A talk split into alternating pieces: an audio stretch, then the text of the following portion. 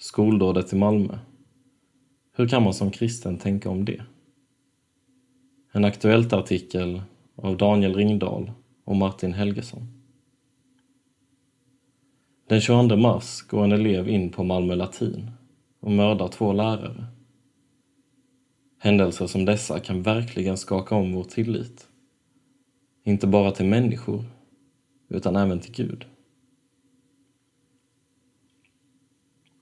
Hur skriver man egentligen något meningsfullt om skolmorden i Malmö? Det finns ett avsnitt i dikten Schubertiana av Thomas Tranströmer ur Sanningsbarriären från 1978 som jag, Daniel, ofta återkommer till i livet. Så mycket måste vi lita på för att kunna leva vår dagliga dag utan att sjunka genom jorden. Lita på snömassorna som klamrar sig fast vid bergsluttningen ovanför byn. Lita på tysthetslöftena och samförståndsleendet. Lita på att olyckstelegrammen inte gäller oss och att det plötsliga yxhugget inifrån inte kommer. Dikten påminner om att tillit är grundläggande för en människa. Hur ska jag kunna leva mitt liv som en någorlunda fri människa om jag inte har tillit? Om jag jämt skulle vara rädd för att busschauffören var självmordsbenägen, kocken mordlysten och att de som byggde bron jag åker på var fulla när de arbetade. Då skulle livet bli alldeles outhärdligt. Tilliten skakade grunden. Tilliten skakades av den fruktansvärda händelsen på Malmö latinskola den 22 mars. Två lärare mördades av en 18-årig elev. Och det verkar inte finnas någon bra förklaring till varför just det dödades. Eller om gärningsmannen hade några särskilda motiv. Just dåd utan ett klart motiv tycker jag är särskilt skrämmande. För jag vet inte hur jag ska skydda mig mot dem. De flesta av oss lever vår dagliga dag utan att tänka på all välvilja vi tar för given. Händelser som morden på Malmö latin skadar tilliten och påminner oss om att ondskan är ständigt närvarande. Vår tillit till andra människor får sig en spricka. Men en händelse som denna kan givetvis även påverka vår tillit till Gud. För vad finns egentligen Gud i allt detta? Och hur kan han tillåta det?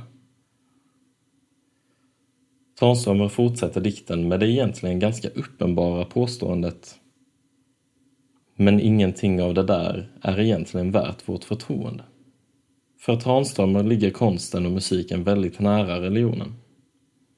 Och det är därför i den riktning han pekar sin läsare. Men inte heller kulturen, hur fantastisk den än är, ger skäl nog för att bevara tilliten i tider av katastrof. Gud har sår. Några av alla de saker som skrämmer mig med dådet i Malmö är att det är orättvist, omotiverat, onödigt. En sak som verkligen tröstar mig är att detsamma kan sägas om Jesus död. Också den var orättvis, omotiverad och, i alla fall till det yttre, onödig. Ingen annan gud har sår, kallar Ylva Eggerhorn en av sina dikter. Och Jesus liv och död påminner om just det. Gud har sår. Han har blivit utsatt för oskyldigt våld, för meningslöst lidande, för en orättvis avrättning.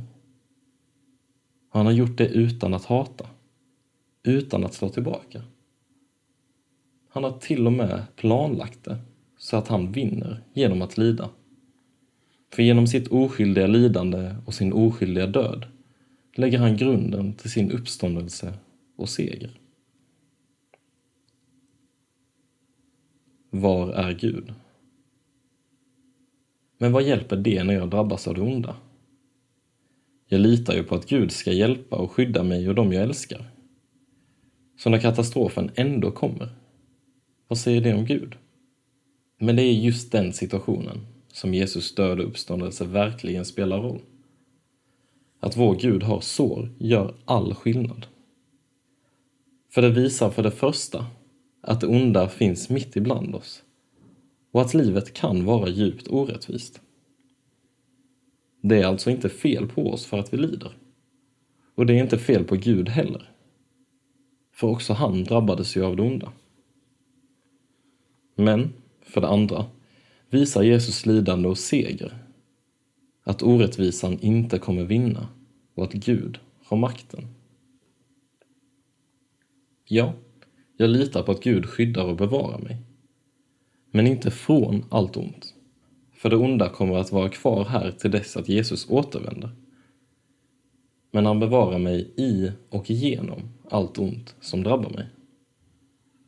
Hans absolut viktigaste mål är att få rädda mig till evigheten, där sorg och lidande för alltid är borta.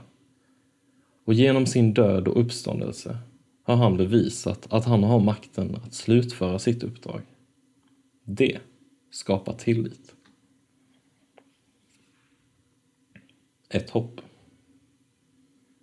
Flera saker tyder på att vårt samhälle står inför en förtroendekris. Alltså att tilliten till medmänniskor och samhället i stort sjunker. Händelser som denna riskerar att bidra till detta.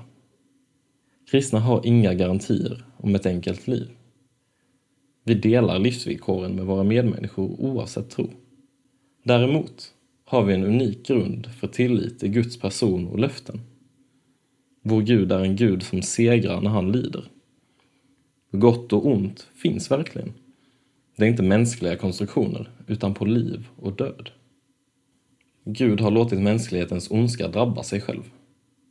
Samtidigt som han bar straffet för samma ondska. Hans kors är vårt enda hopp. Men det hoppet sviker oss inte. För Guds kärlek är utgjuten i våra hjärtan genom den heliga Ande som han har gett oss. Romarbrevet kapitel 5, vers 5. Den sortens liv, den tillit, som växer fram ur den kärleken kan mer och mer bli en gåva till vår omvärld och ett vittnesbörd om vad som bär genom allt.